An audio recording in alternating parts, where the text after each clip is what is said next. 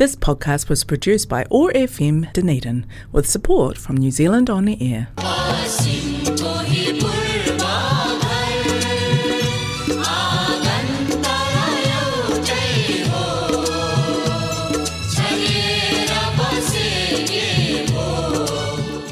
नाउमाई हायरेमाई नमस्ते हरेक मङ्गलबार साँझको छ तिस बजे प्रसारण हुने ओट्यागो एक्सेस रेडियोबाट सञ्चालित कार्यक्रम हाम्रो आवाजमा म टिका कौशिकको सम्पूर्ण श्रोताहरूमा हार्दिक अभिवादन।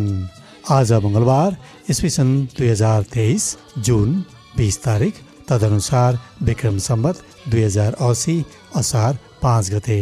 डनिडी नेपाली समाजको प्रस्तुति रहेको कार्यक्रम हाम्रो आवाजलाई प्रायोजन गरेको छ कनेक्टिङ कल्चर एथनिक कम्युनिटिजले कार्यक्रम हाम्रो आवाज ओटाको एक्सेस रेडियो एक सय पाँच दशमलव चार मेगाजमा हरेक मङ्गलबार न्युजिल्यान्डको समयअनुसार साँझ छ तिस बजेदेखि सात बजेसम्म सुन्न सक्नुहुनेछ भने पोडकास्ट तथा आइट्युन्सबाट तपाईँले चाहेको बेलामा सुन्न सक्नुहुनेछ। यसका अलावा कार्यक्रम हाम्रो आवाज मानव टु पिपल्स रेडियो नौ सय उनान्सय एएमबाट हरेक बिहिबार न्युजिल्यान्डको समयअनुसार साँझ सात बजेदेखि सात तिससम्म पुनः प्रसारण हुने गर्दछ। कार्यक्रम हाम्रो आवाजमा आज तपाईँले सुन्नुहुनेछ एक छलफल र आजका मेरा अतिथि हुनुहुन्छ श्री नारदमणि कट्यल र श्री नितेश अधिकारी। भुटानको गेलेफुबाट गोलदाफ क्याम्प हुँदै सन् दुई हजार नौमा रिफ्युजी कोटा प्रोग्राम मार्फत न्युजिल्यान्डको पामस्टन नर्थमा पुनर्वास हुनुभएको छ। श्री नारदमुनि कटेल।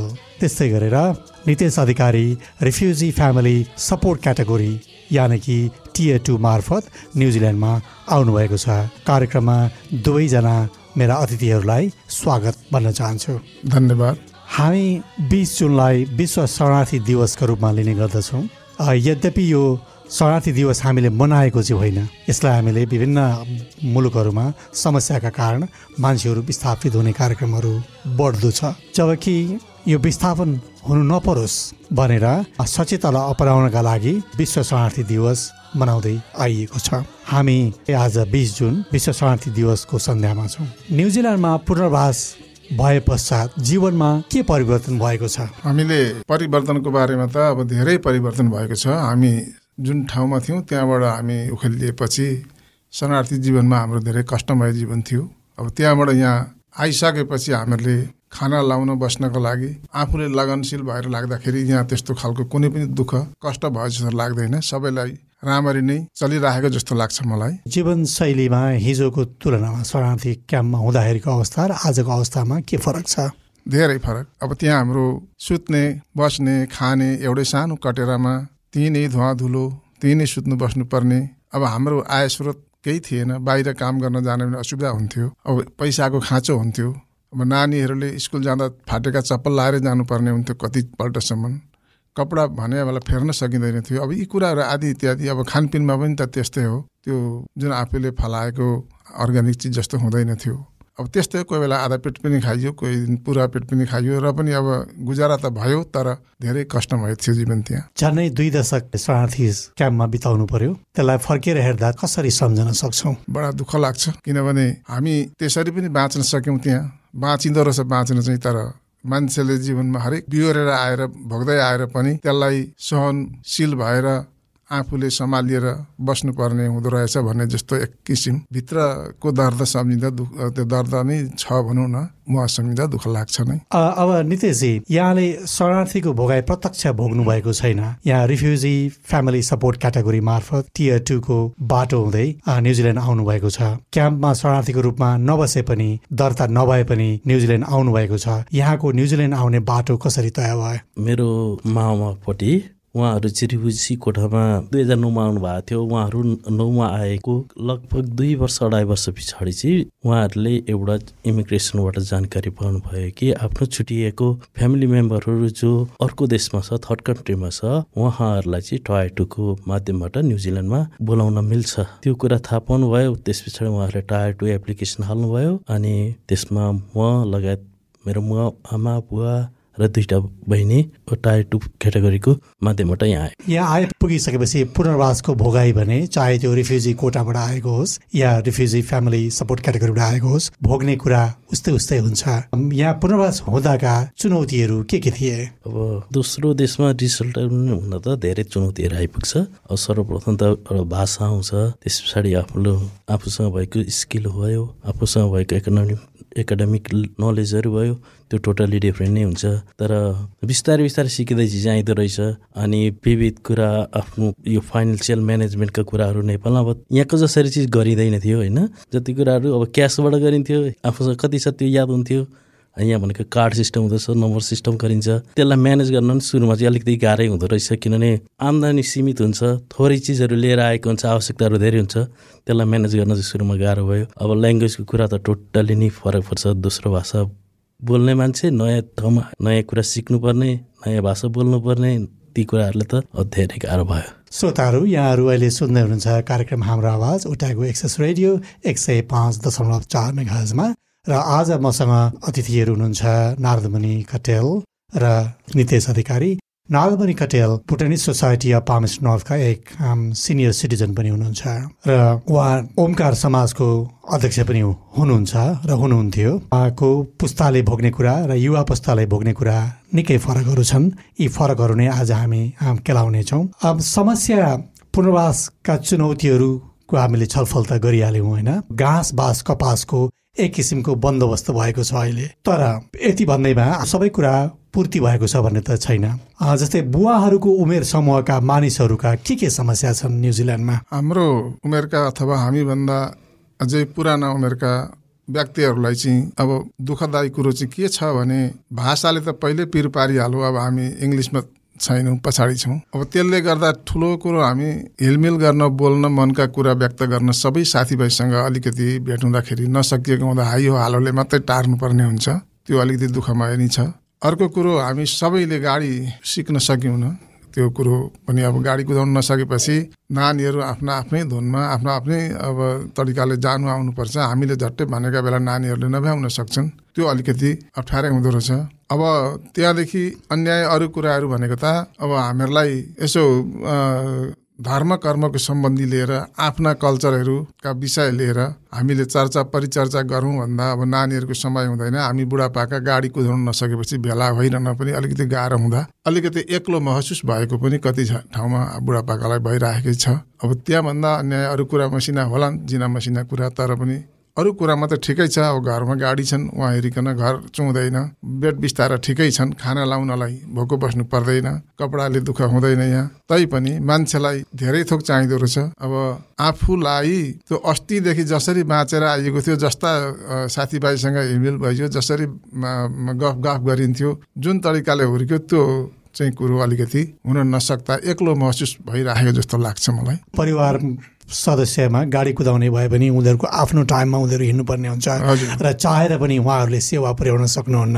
अनि आफूले चाहेको ठाउँमा काहीँ कार्यक्रम छ निम्ता पनि आउँछ तर जान सकिँदैन। यो पहिलो कुरो। जान सके पनि कहिले काहीँ भाषिक कठिनाइले त्यहाँ गएर कुरा बुझ्न सकिँदैन। सकिँदैन। हो त्यस त्यस्तै उस्तै कुरामा अलिकति दुःख लाग्छ। अब के गर्नु? अब त्यो तर हामीले यता पनि सम्झिन्छौँ। अब छोराछोरीले बुझ्छन्। छोराछोरीले गरी खाएका छन्। यहाँको भाषासँग अलिकति हिलमिल हुन सक्छन्। अब हामीले त्यताबाट पनि चित्त बुझाउन बाध्यता नै परेको छ।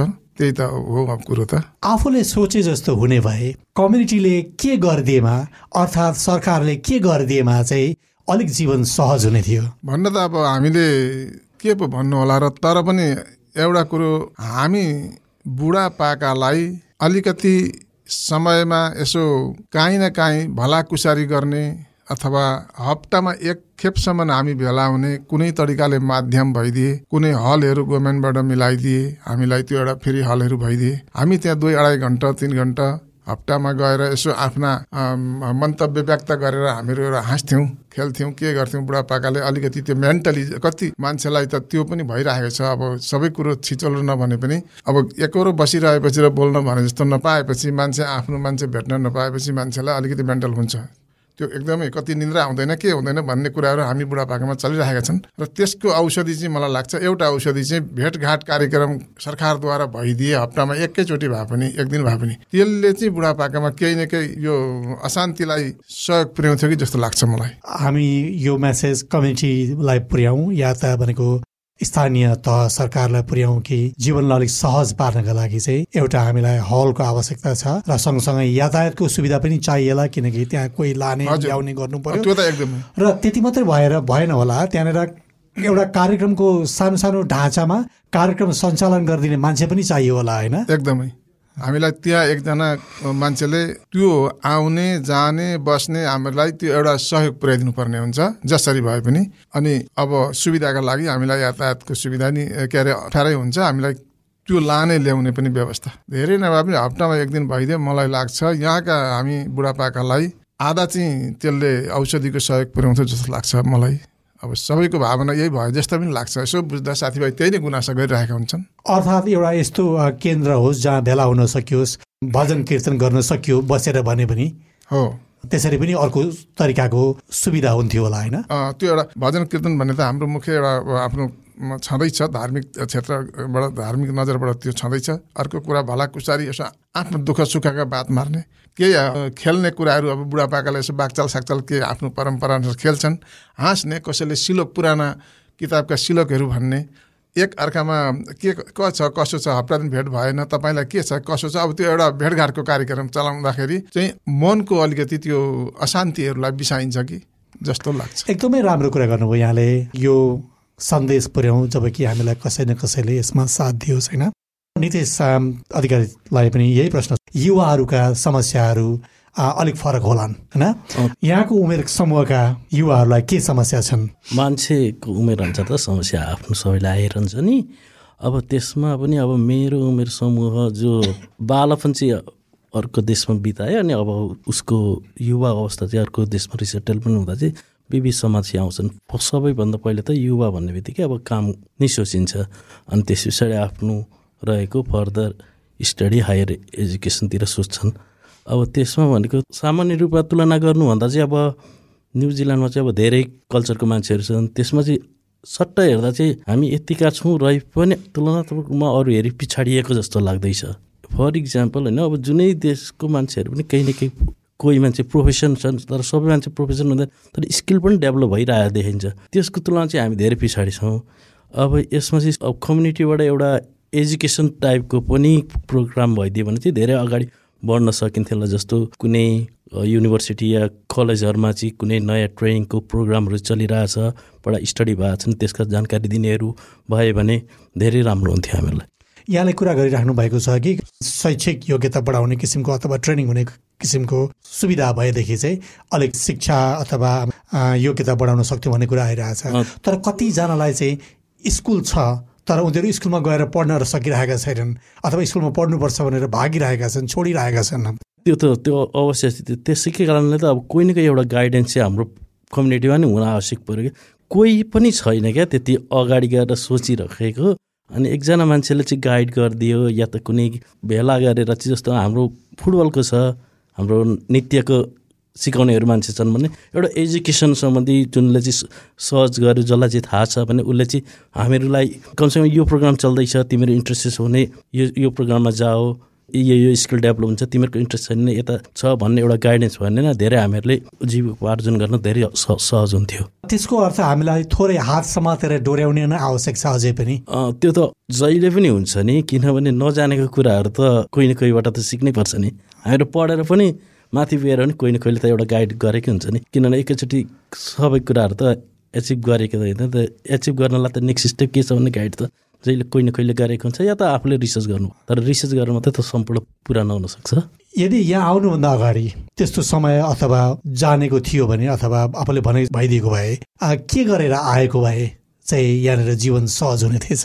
सबैभन्दा पहिला त अब यसरी विदेशमा रिसेटलमा हुँदा पहिला चाहिँ हाम्रो जुनको देश जुन हामी बसेका थियौँ त्यसमा चाहिँ अलिकति एकाडेमिक कुराहरू मात्रै थियो। सिम्पल कुराहरू जस्तो केही कुराहरू बनाउने सिकर्मी डकर्मी हुने थियो हामीले नराम्रो तरिकाले सोच्थ्यौँ उहाँ होइन? बिल्डिङमा काम गर्ने तर यहाँ आएपछि टोटली डिफ्रेन्ट ड्राइभर गर्ने इभन लाई पनि दोस्रो ट्रकको ट्रक ड्राइभर भनिन्थ्यो यहाँ आउँदा त्यो काम पाउनु पनि धेरै मुस्किल पर्दो रहेछ। त्यो काम पनि धेरै स्किलको काम हुँदो रहेछ भन्ने हुन्थ्यो। पहिला हामीले त्यस्ता कामहरू पनिलाई पनि सानो काम होइन भनेर उहाँ सिकिया थियौँ। एकाडेमिक क्वालिफिकेसन मात्रै गेन गर्न थिएन भने यहाँ धेरै हेल्पफुल हुन्थ्यो। शरणार्थीको कष्ट भोगाएका क्रममा यहाँले प्रत्यक्ष भोग्नु भएको छैन। तर आफन्तहरू शरणार्थी क्याम्पमा बस्नु भएको यहाँसँग एउटा ताजा मेमोरी त छ होइन? त्यसलाई सम्झिनु पर्दाखेरि अरूले शरणार्थी क्याम्पमा बिताएको जीवन सम्झिँदा र यदि त्यो तपाईँले भोग्नु नपरेको अवस्था त्यो सम्झिँदा केही त्यसमा अन्तर छ? त्यसमा मान्छे पिछेको जीवनमा धेरै अन्तर हुन्छ। मेरा केही आफ्ना भाइ बहिनीहरू जो मामाको पट्टि मेरो घरकैपट्टि पनि कति उहाँहरू शरणार्थी जीवन बिताएर अब क्याम्पमा बस्नुभएको थियो म एउटा गाउँमा बसेको थिएँ। हुन त सङ्घर्ष छ। उहाँहरूको गाउँको आफ्नै सङ्घर्ष छ उहाँहरूको आफ्नै छ। उहाँहरूको चाहिँ अब प्रत्यक्ष आफूले देख्नु पर्दा चाहिँ अब अलिकति कस्तो हुन्छ नि? अब फाइनेन्सियल सपोर्ट धेर ज्यादा चाहिनु पर्ने किनभने अब हामी गाउँमा थियौँ कमसेकम उब्जाएर खान पाउँथ्यौँ होइन? उहाँहरूको त्यो नहुने। अनि त्यस पछाडि भनेको उहाँहरूको बास अवस्था यावत कुराहरू। अब फेरि हामी युवाहरूको अगाडिको बाटो सम्बन्धी थोरै छलफल गरौँ। मानिलियो कम्युनिटीलाई थाहा छैन युवाहरूको समस्या के छन्। अथवा स्थानीय सरकारलाई अथवा कुनै पनि सङ्घ संस्थालाई थाहा छैन युवाहरूको समस्या के छन्। हाम्रा भुटानी अथवा नेपाली युवाहरूको समस्या के छन् उहाँहरूलाई थाहा छैन। तर यो समस्या हामी कहाँमा यो समस्या छ हामीलाई यो सहयोग चाहियो भनेर युवा युवती आफैले पनि त अलिकति अगाडि आएर आफ्नो समस्या राख्नु पर्छ कि भन्ने मलाई लागेको यहाँको अनुभव के छ? त्यो चाहिँ अवश्य नै पर्छ तर अब युवा चाहिँ कस्तो हुँदो रहेछ भने समयमा काम गरेर पैसा बनाइहालौँ होइन? अब त्यसले आफूलाई चाहिँ भोलिका दिनमा गएर अलिकति आफूलाई चाहिँ सुधारिएर गएर चाहिँ भोलिका दिन राम्रो हुन्छ भनेर नसोचेर सुरुदेखि नै अब जे काम भेटिन्छ गरिहालौँ। हो त्यो भएकाले अलिकति युवाहरूले सोध्नुभन्दा काम भेटिन्छ गरिहालौँ भन्नाले नै अलिकति हामी पछाडि परिरहेको छौँ। पुनर्वासमा आउनुभएको छ अथवा रेफ्युजी फ्यामिली सपोर्ट क्याटेगोरीबाट आउनुभएको छ। उहाँहरूको परिस्थिति भिन्न छ फरक छ किनकि उहाँहरूको भिसा एक्सपायर हुँदैन फर्केर जानु पर्दैन होइन? बाँकी लाग्यो मैले फर्किने बेला भयो भन्ने कुरा कुनै कुराको चिन्ता लिनु पर्दैन। त्यसलाई सम्झिएर एउटा खुड्किलो मानेर अलिकति हामीले पढ्नेतिर अथवा केही कुराको ट्रेनिङ गर्नेतिर हामीले सोच्यो भने र अलिकति लगानी गऱ्यो भने पाँच वर्षपछि अथवा चार वर्षपछि अथवा दस वर्ष पछाडि पक्कै पनि जीवन शैलीमा त धेरै ठुलो परिवर्तन आउँछ नि होइन? त्यही भन्नु खोजेको मैले हामीहरू चाहिँ कामतिर सोचिहालिँदो रहेछ। होइन अब युवाले पनि अलिकति हामीहरू चाहिँ पढ्ने उहाँ नेपालमा पढिहाल्यो अब त काम गर्ने भन्न सोच्नाले यहाँ पनि अलिकति आफूले सेल्फ स्किल डेभलपमेन्टको कार्यक्रममा चाहिँ पक्का भाग लिएको थियो भने हामी अलिक स्तरीय कामहरू गर्ने राम्रो ठाउँ ठाउँमा पुग्न सकिने हाम्रो कम्युनिटी पनि हुने थियो। यहाँको अलिकति भोगाई बारे नै कुरा गरौँ। पहिला यहाँ काम गर्नुभयो र अहिले यहाँ पढाइमा लाग्नु भएको छ होइन? एउटा कुनै पनि लेभलको पढाइ सकौँ अथवा एउटा स्किल को पहिलो खुड्किलो पार गरौँ भनेर के कुराले यहाँलाई महसुस भयो कि मैले अब अलिकति पढाइमा समय खर्चिनुपर्छ भने सबैभन्दा पहिला चाहिँ अब म यहाँ आएँ यहाँ आएपछि भनेको दुई तिनवटा झोला बोकेर आइयो। हो हरेक कुराहरू आवश्यकता पर्थ्यो। यो कुरा सोचेर चाहिँ अब सुरुमा चाहिँ कामैपट्टि फोकस गरियो। काम फोकस गरेर काम गरियो गरियो गरियो। त्यसमा अब आफ्नो वैवाहिक कार्यक्रम पनि भयो घरका सामान्य आधारभूत आवश्यकताहरू पुरा गरियो। तर अब धेरै अब आठ दस वर्ष बिताएपछि सोचियो कि कहिले पनि यो चाहिँ अब पुरा गर्न सकिँदैन। एउटा आवश्यकता पुरा गरेर दोस्रो आउँछ। दोस्रो आउँछ। त्यसले गर्दाखेरि त्यो आफ्नो उमेरै त्यो सामान्य काम गर्दा गर्दै बित्ने रहेछ। काम नगर्दा पनि त अब सरकारबाट केही सहुलियत त पाइन्छ एज अ स्टडी लिङ्कको तर्फबाट। अनि त्यो सोच्नुभन्दा पनि आफूले चाहिँ केही आफ्नो सेल्फ डेभलपमेन्ट गरियो भने चाहिँ केही क्षणको लागि त अब नहोला फाइनेन्सियल अवस्था गाह्रो होला। तर फ्युचरमा गएर त मिट गएर ओभरै हुन्छ जस्तो सोचेर चाहिँ मैले चाहिँ अहिले स्टडी सुरु गर्दैछु। अब भर्खर सुरुवात मात्र हो। अब बिस्तारै बिस्तारै आफ्नो स्टडीलाई माथि लानु पनि योजना एकदमै राम्रो। मलाई अत्यन्तै खुसी लागेको छ किनकि शिक्षा भनेको यस्तो सफलताको चाबी हो जसले हाम्रो जीवनलाई माथि उकास्नमा मद्दत गर्छ। किनकि कोही कोही व्यक्तिहरू भन्ने गर्नुहुन्छ पढेर के काम? पढ्नेले पनि काम गर्ने हो नपढे पनि काम गर्ने भन्नुहुन्छ। तर फरक पर्छ। पढेर काम गर्नु अथवा स्किल नसिकिकन काममा लाग्नु र स्किल सिकेर पोख्त भएर काममा जानुमा पक्कै पनि फरक पर्छ। यहाँले पाँच वर्ष पछाडि यहाँको जुन जीवनस्तर अथवा आफ्नो कमाई घन्टाका हिसाबले होस् चाहे वर्षका हिसाबले होस् त्यसमा आउने जुन आफ्नो लगानी हुन्छ अथवा आय स्रोत हुन्छ त्यो पक्कै पनि फरक पर्छ। र यसलाई हामीले शिक्षाको रूपमा लियौँ कि पढ्नलाई कहिले पनि ढिलो हुँदैन नि होइन? त्यो त अवश्य मैले पनि अहिले त्यही गेन गरेँ। त्यही अब त्यही त अब उमेरले पनि सिक्दैन रहेछ। घरमा मेरो वाइफ ऊ अब एउटा बच्चाको आमा उसले पनि पढाइ कन्टिन्यू गरेर गर्नु पनि हुँदो रहेछ। नेपालमा चाहिँ अब लिमिट अब पच्चिस वर्ष कटेपछि त कोही प्रायः पढ्दैन नि। पच्चिस सत्ताइस वर्ष हुन्छ कि या त दुई चार वर्ष ग्याप पढाइमा गऱ्यो भने अब सो सकिन्छ नि। उताको यहाँ चाहिँ अब त्यस्तो नहुँदो रहेछ अब बुवा अथवा हजुरबुवाको पुस्तालाई चाहिँ भनेको यहाँ एकदमै गाह्रो भयो। उमेरका हिसाबले पनि हामी पचास कट्या छौँ अथवा साठी कट्या छौँ अथवा सत्तरी नै कट्या छौँ होला होइन? जुन सिकाइ क्रियाकलापप्रति आफ्नो जो स्मरण शक्तिले त्यति सहयोग गर्दैन। त्यस्तो अन्य कुनै कुरा सोच्नु भएको छ? त्यस्तो कुनै कुराले हामी शिक्षा प्राप्त गर्न सकौँ? अथवा हामीले जे जे लिएर आएको छौँ त्यसलाई चाहिँ अलिकति अभ्यास गरौँ? अघि नै भने जस्तै हामीहरू भेला हुन सकियो भने कसैले सिलोक जानेका छन् कसैले पुराना कथाहरू त्यही कथा भन्छन् हाम्रा। त्यस्ता जानेको हुन्छ कसैले आफूले नजानेको अर्को कुरो बुझेको हुन्छ त्यो आफ्नो कुराहरू बाँडाबाँड हुँदै जान्छ अनि अर्को कुरो चाहिँ त्यो बिचमा हामीलाई सरल रूपमा इङ्ग्लिसको त आवश्यक नै पर्छ। सरल रूपमा हामीहरूलाई राम्ररी एउटा दोडा शब्द बिस्तारो गरेर यसो है भनेर एकैचोटि हुन सक्दैन त्यो बुढो दिमागमा। बिस्तार बिस्तार गर्दै लाने हो भने जस्तै अब म हराइ गएँ बाटामा भने त्यो मैले मेरो परिचय दिन सक्नेसम्म मैले बुझेभरि। अब पुलिसले बाटोमा हराएको मान्छे एकतिर जाँदै गरेको बुढो पाएकोलाई भेट्यो भने उसलाई सम्हाल्ने कसरी त अब? सोद्धाखेरि ऊ भन्न सक्दैन। उसले कमसेकम आफ्नो नाम र आफ्नो एड्रेस पुलिसको सहारा मिल्छ नि। त्यतिसम्म हाम्रा मान्छेमा अहिले प्रायमा छैन। यहाँ बुढापाकाहरूमा हेर्ने हो भने पाँच पर्सेन्टले बोल्छन् नत्र भने त्यो ठेगाना भन्न नसक्ने नै छन् यहाँ। आफ्नो ठेगाना र आफ्नो नाम भन्न सक्नेसम्म बनाउने काम हाम्रै ग्रुपभित्रबाट हाम्रै सोसाइटीबाट सहयोग मिल्नु अति उत्तम हुन्छ। मैले बुझेभरि किनभने आफ्नो भाषा छ। यो भनेको यसो है भनेर बुझाउँदाखेरि त बुझ्यो नि त बुढाबुढीले। अब किनभने बुढो दिमागको इङ्ग्लिसबाट भन्ने मान्छेले भनेको सुनिसक्दा बिर्सिहाल्छ। हो त्यही भइरहेको छ। यहाँ सहयोग नभएको चाहिँ होइन। कति बुढापाकालाई स्कुल पनि अब एक दिन दिनको स्कुल छ कसैको के छ। तर पनि बिचरा सबै उस्तै छन्। हामी बिचारै भइएको छ। र पनि चित्त चाहिँ बुझाउनु परेको छ। अब यस्तै हो भनेर र मैले बुझेभरि सहयोग मिल्नु राम्रो हो। त्यो एड्रेस जानेर आफ्नो नामसम्म जान्ने यहाँका बुढापाकालाई बनाउनु पर्छ त्यो सहयोग हामीलाई अति नै जरुरत छ। अब अर्को कुरो हामी बुढापाकाले कति कुराहरू चाहिँ अब हस्पिटल जाँदाखेरि हस्पिटलमा डक्टरसँग अब कोही बेला हामीलाई कस्तो पर्छ भने कति कुराहरू आफन्तै मान्छेलाई भन्नु नहुने खालको बिमार पनि त लाग्छ नि मान्छेलाई। किनभने यो एकदम अप्ठ्यारा कुराहरू पनि पर्छन् जहाँ त्यहीँ बिमार लाग्छ। अर्को मान्छेको आवश्यक हुन्छ त्यतिखेर। दोभाषेको आवश्यक पर्यो तर आफ्नो परिवारको होइन नचिनेको भए पनि सजिलो हुन्छ। बस नचिनेकै होस्। दोभाषे एउटा बुढापाकाको लागि खडा भइदिनु अति उत्तम हो फा फाल्टु मान्छे। इङ्ग्लिस जसले बोल्दैन भने। यो मैले पनि आफै अनुभव पनि गरेको कुरा हो। र एउटा कुरो त्यो भइहाल्यो। अर्को कुरो हाम्रा यसो आफन्त साथीभाइ बुढापाका जहाँ जान्छन् त्यहाँ त्यहाँको बाटाको एड्रेसहरू। त्यो घरमा जाँदा यो एड्रेसमा जानुपर्छ। यो बाटोमा जानुपर्छ भनेर त्यो बाटाको साइन त्यो घरको नम्बर त्यो बुढापाकामा थाहा भइदियो भने अचानक कोही बेला हिँड्न मन लागेर राम्रो दिन भएको बेलामा यसो बाटोमा हिँड्दै गर्दा पनि हिँडेर पुगिने ठाउँमा त्यो साथीको घर छ भने त्यो एड्रेसको अनुभव छ भने त साइनबोर्ड हेरेर पनि पुगिन्छ नि। यो पनि एउटा उपलब्ध हो त्यो किनभने बुढाबुढी हराउनेबाट अलिकति जोगिन्छन् कि जस्तो लाग्छ मलाई। एकदमै राम्रो कुरा उठाउनु भयो बाटाको नाम राखेको छ अनि घरै पछि नम्बर राखेको छ। तर जब त्यो अक्षर अक्षर बोल्दैन नम्बर नम्बर बोल्दैन अनि बाटो कुन हो चिनिँदैन अनि सुविधा भएर पनि उपभोग गर्न नसकेपछि त एकदम अप्ठ्यारो हुन्छ नि होइन? त्यही साथीको घर वरिपरि घुमेर रुँदै फर्केला नि त। किनभने थाहा भएन। घर त त्यही थियो। अब नम्बर पनि थाहा छैन। त्यो रोड पनि रोडको नम्बर ऊ रोड पनि थाहा छैन भने त्यहीँ घुमे घुमे फर्केर गयो। अब त्यो उसलाई तिर्खा लाग्ला पिसाब लाग्ला कोनि के होला? अब त्यो बुढोपाको मान्छे हो।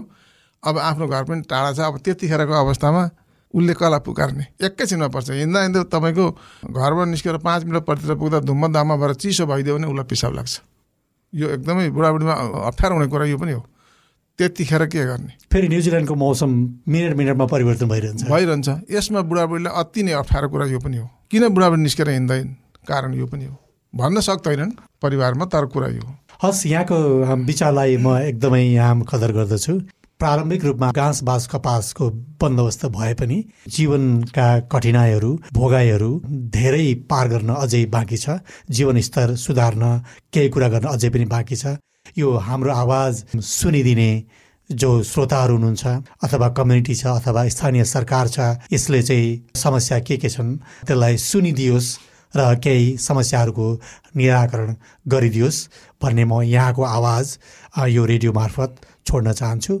जाँदा जाँदै कार्यक्रम हाम्रो आवाज सुन्ने श्रोताहरूलाई के भन्न चाहनुहुन्छ? जसरी आज हामी यहाँ रेडियोमा बसेर कुरा गर्दैछौँ व्यक्तिगत आफ्ना लागि गरे जस्तो लाग्दैन। यसो सम्झिएर आफ्ना मनले साथीभाइको सबैको भावना बुझेर यस्तो होला भन्ने हिसाबले नै बोलिँदैछ। र सबै साथीभाइहरूले यो कुरो सुनेर हो भने यसलाई अलिकति लु यसो एकदम यो कुरो ठिक हो यसो हो भनेर अलिकति सबैले सहयोग पुर्याइदिनु होला भन्दै म यहाँबाट यहाँ सबैलाई नमस्कार गर्छु यो कुरो मैले जुन बोलेका कुरामा।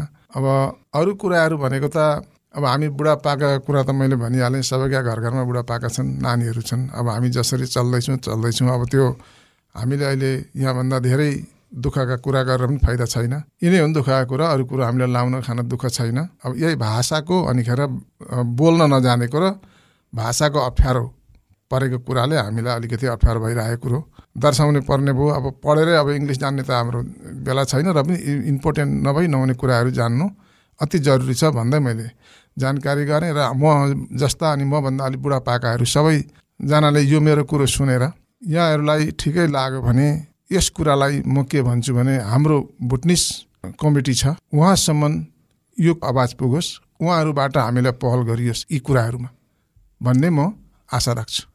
निदेशी। जति मैले अब आफूले जानेका कुराहरू आफ्नो युवा अनि यहाँ आएर भएको दुःख समस्या जुन स्किलका कुराहरू हामीले पहिला चाहिँ अब कामलाई प्रायोरिटी दिने कि आफ्नो स्किललाई प्रायोरिटी दिने कुराहरू यी कुराहरू राखेँ। यसमा चाहिँ अब हामीहरूको समाजबाट पनि कोही गाइडेन्स भइदिए या त हामी आफैले पनि केही रिसर्च गरेर पहिला चाहिँ हामीले स्किलतिरै सोच्नुपर्छ जस्तो लाग्छ। सधैँ मिनिमममा गएर त हामीले कहिले पनि हाम्रो समाज माथि पुग्दैन। अनि दोस्रो देशमा चाहिँ कस्तो हुँदो रहेछ भने कुनै पनि काममा चाहिँ जाँदाखेरि अलिकति राम्रो काममा गयो भने आफ्नो समुदायको मान्छे कोही अगाडि पुगेको छ भने चाहिँ अलिकति छिटो पाइँदो पनि रहेछ है। मैले चाहिँ अनुभवै गरेको।